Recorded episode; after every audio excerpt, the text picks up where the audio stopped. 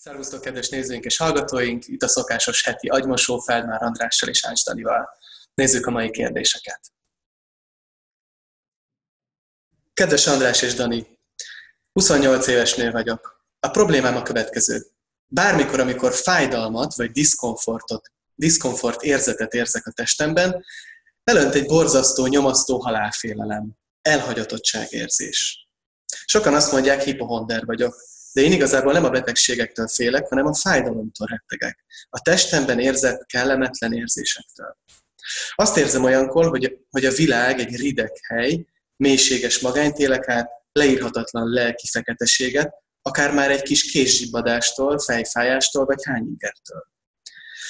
Összefügghet a dolog azzal, hogy anyukámnak nagyon súlyos szület, szülés utáni depressziója volt, miután megszülettem. Az első pár hónapban nem tudott rám hangolódni. Egyébként lassan szeretnék pár éven belül gyermeket vállalni a párommal, de iszonyatosan rettegek a terhességtől. Pont emiatt a testi dolgok miatt. Pánikba esnék, ha a testemben fura dolgokat éreznék, fájdalmat, diszkomfortot, stb. Köszönöm előre is a válaszaitokat. Ági.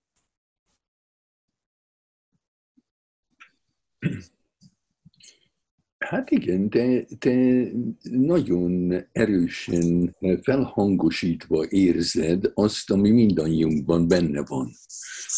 És arra gondolok, hogy a fájdalom és a szeparáció közötti kapcsolat mindannyiunkat befolyásol. Most ez ezért van, azért van, mert, mert minden, amit én érzek magamban, mondjuk most fáj a fejem, mondjuk, egyedül vagyok a fájdalommal. Senki nem tudja, Dani nem tudja, az, a feleségem se tudja, a gyerekeim se tudják, senki nem tudja, hogy fáj a fejem. Egyedül vagyok a fájdalmammal. És gyerekkorom óta egyedül voltam a fájdalmaimmal. Tehát abban a pillanatban, amikor valami kellemetlen érzésem van, vagy fájdalmam, akkor emlékeztet engem arra, amikor egyedül voltam. Végig az első olyan élményig, amikor egyedül voltam. A memória úgy van szerkesztve, mindannyiunkban, mint egy hagyma.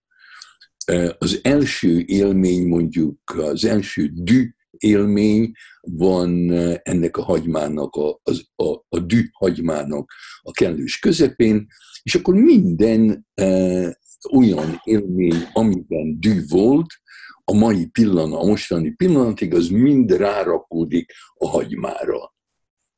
És hogyha most dühös leszek, akkor az egész hagyma rezonál bennem, tehát az érzelmeim erőssége attól függ, hogy milyen nagy a hagyma. Na most, ha te e, e, egyedül voltál egész picikorodban, a, a korai egyedüllét, a korai szeparáció, amikor láttam filmeket, picik, mit kell egy picinek csinálni, ha az anyja deprimált, keményen kell dolgoznia azért, hogy az anyja figyelmét magára vonja.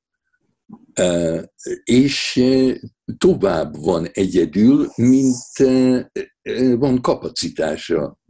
Abban a pillanatban, amikor egy pici azt gondolja, hogy nincs ott az anyja, akkor rémesen megijed, nem csak, hogy halálfélelme van, hanem attól fél, hogy egy, egy párduc, egy tigris, egy ragadozó jön, és meg fogja enni. Tehát a annihiláció, ki lesz radírozva, szét lesz tépve. Ez bennünk van filogenetikailag, vagy vagy evolúción keresztül ez bennünk van, hogyha nem tudunk az anyánkba belekapaszkodni, akkor halálfélelmünk van. Na hát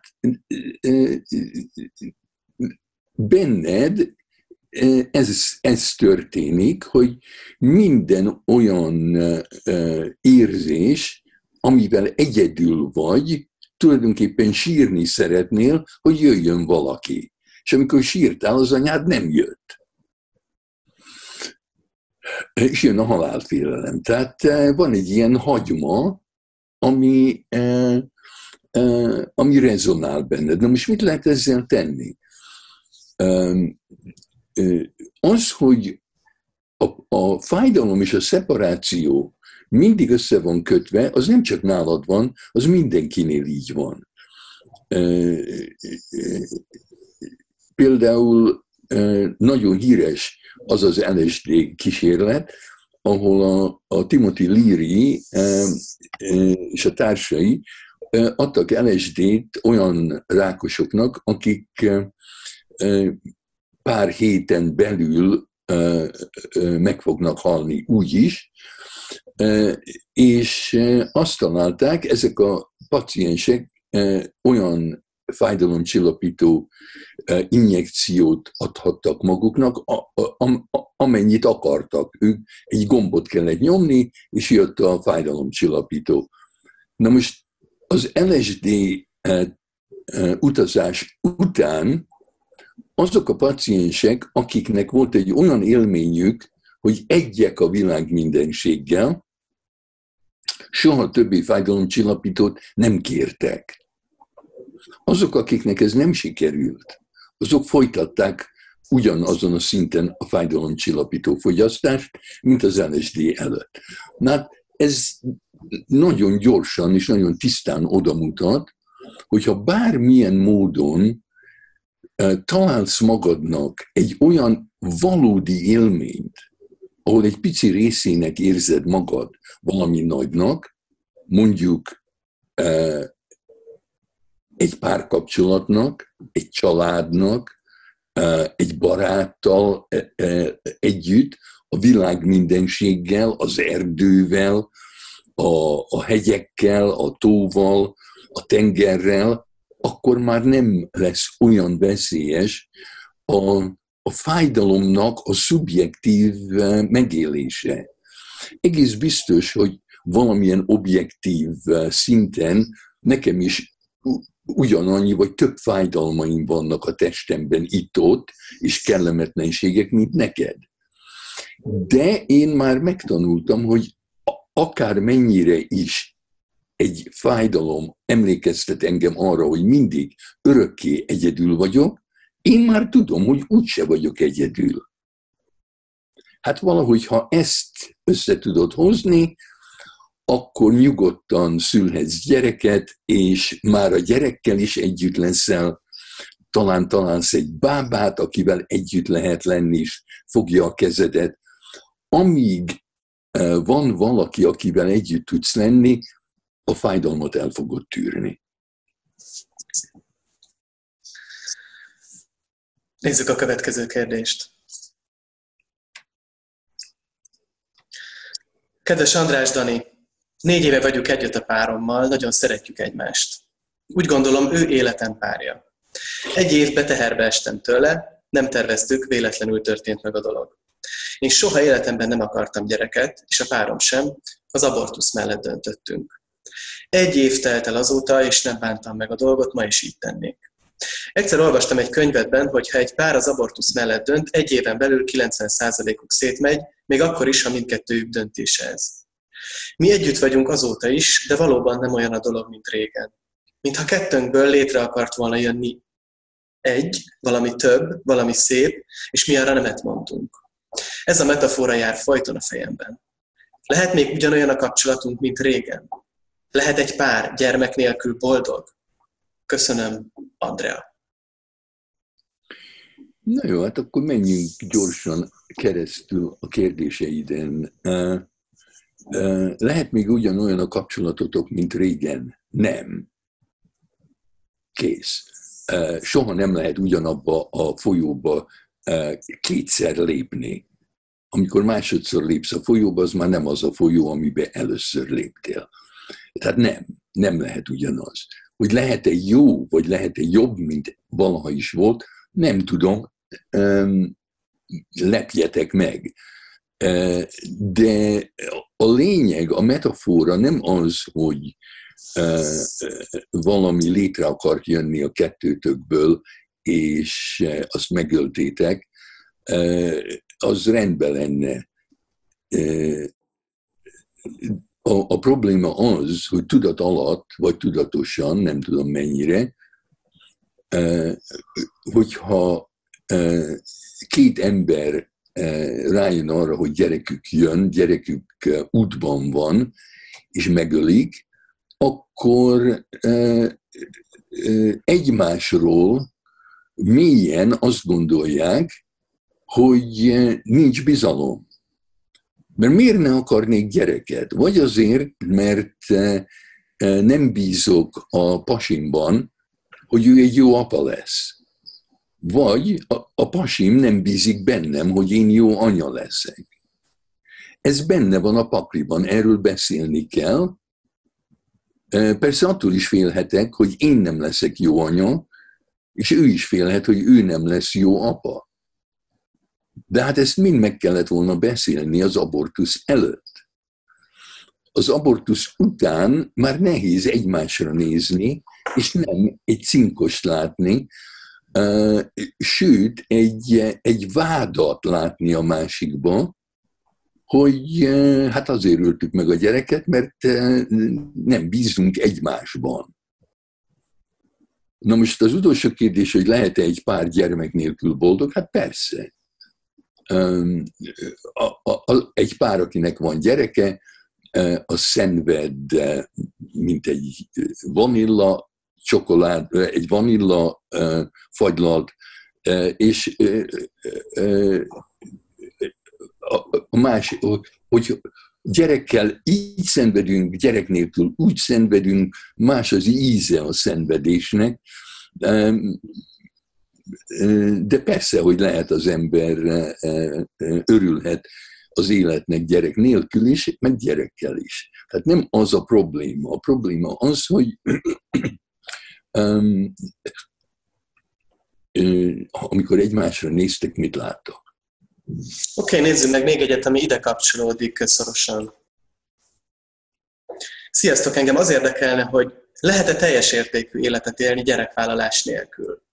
37 éves dolgozó és egyetemen tanuló nő vagyok. Soha nem álmodtam gyerekvállalásról, félek a szüléstől, az azzal járó fájdalomtól és egészségügyi kockázatoktól.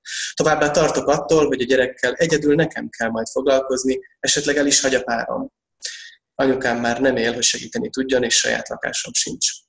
Habár a gyerekek szeretnek engem, keresik a társaságomat, és szeretek velük lenni ilyenkor. Egyre több ismerősömtől hallom, hogy meg fogom később bánni, ha nem vállalok gyereket. Vajon tényleg így lesz? Nagyon örülnék, ha hallhatnék pár gondolatot a kérdésembe. Üdvözlettel, Viki!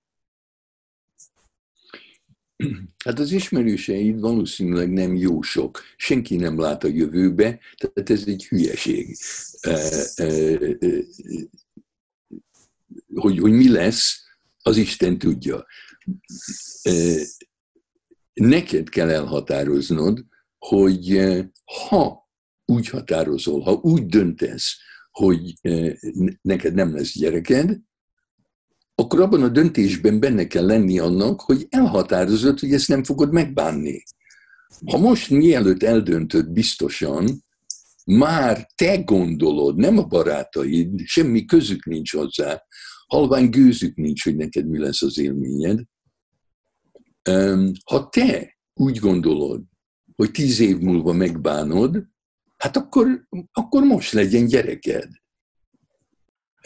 A döntést úgy kell hozni, hogy az ember elhatározza nem csak azt, hogy mit fog csinálni, hanem azt is, hogy nem fogja megbánni. Hát hülyeség megbánni valamit, amit én eldöntök. Érted? Tehát ha úgy gondolom, hogy meg fogom bánni, akkor másképp kell döntenem most. A, a félelmek, az, a, a, a, amiket felhozol, hogy miért nem akarsz, gyereket, az mind hülyeség. Abból mind beszélgetned kell olyanokkal, akik imádják a gyereküket, akik imádtak állapotosak lenni, akik, akik már túl vannak rajta.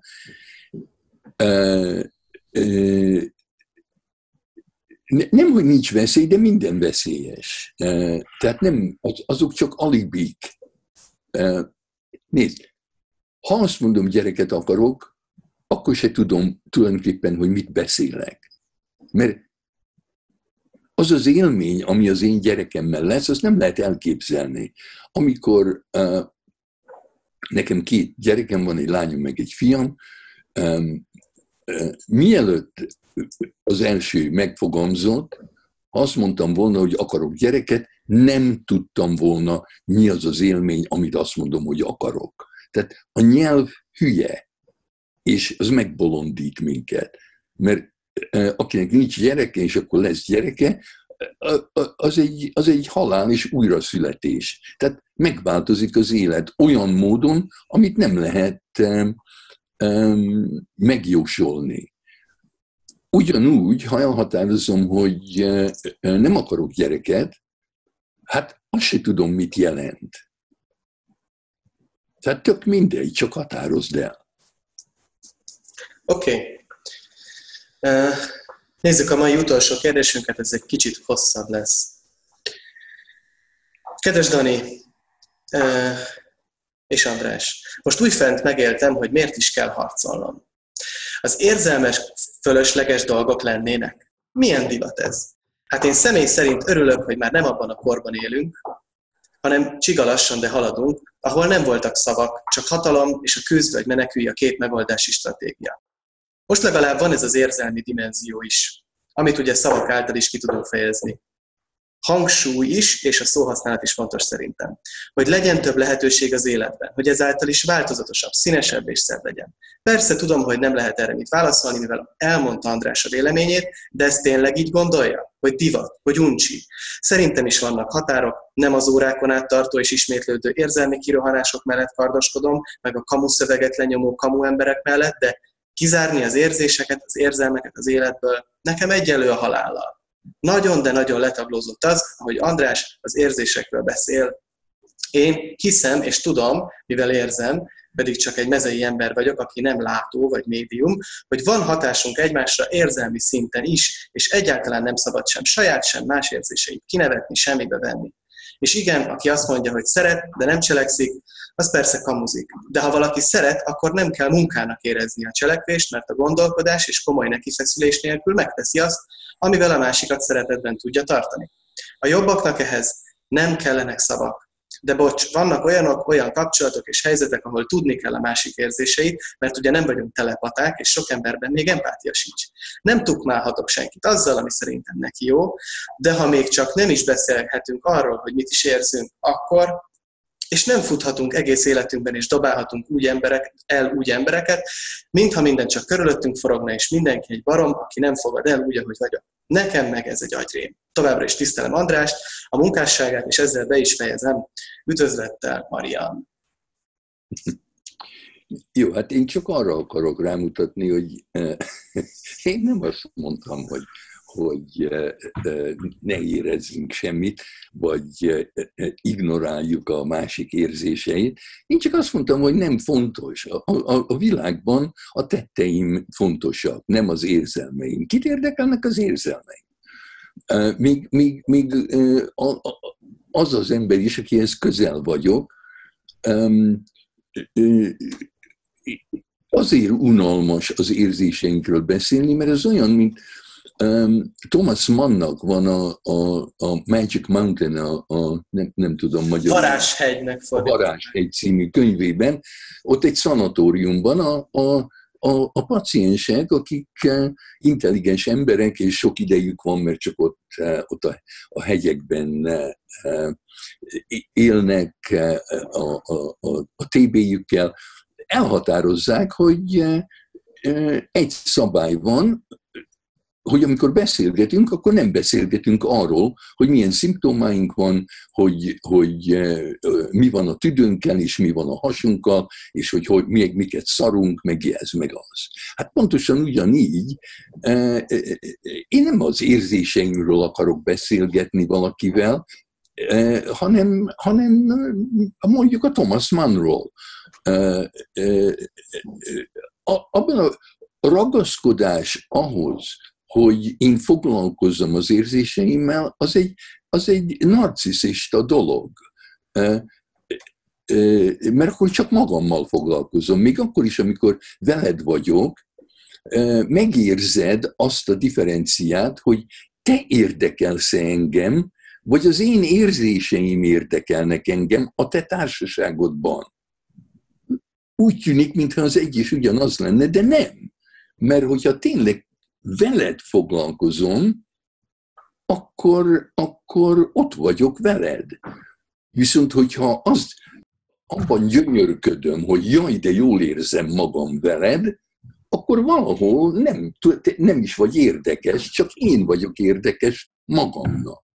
Hát ez az egyik dolog. A másik dolog pedig az, például itt van egy másik kérdés, amiben jött, azt írja a kérdező, hogy elképesztően nehezemre esik közeledni az ellenkező nem felé, pedig rendszeresen pozitív visszajelzéseket kapok. De nem tudok kezdeményezni, mert olyan érzésem van, hogy úgysem lennék elég jó, pedig nincs miért szégyenkeznem.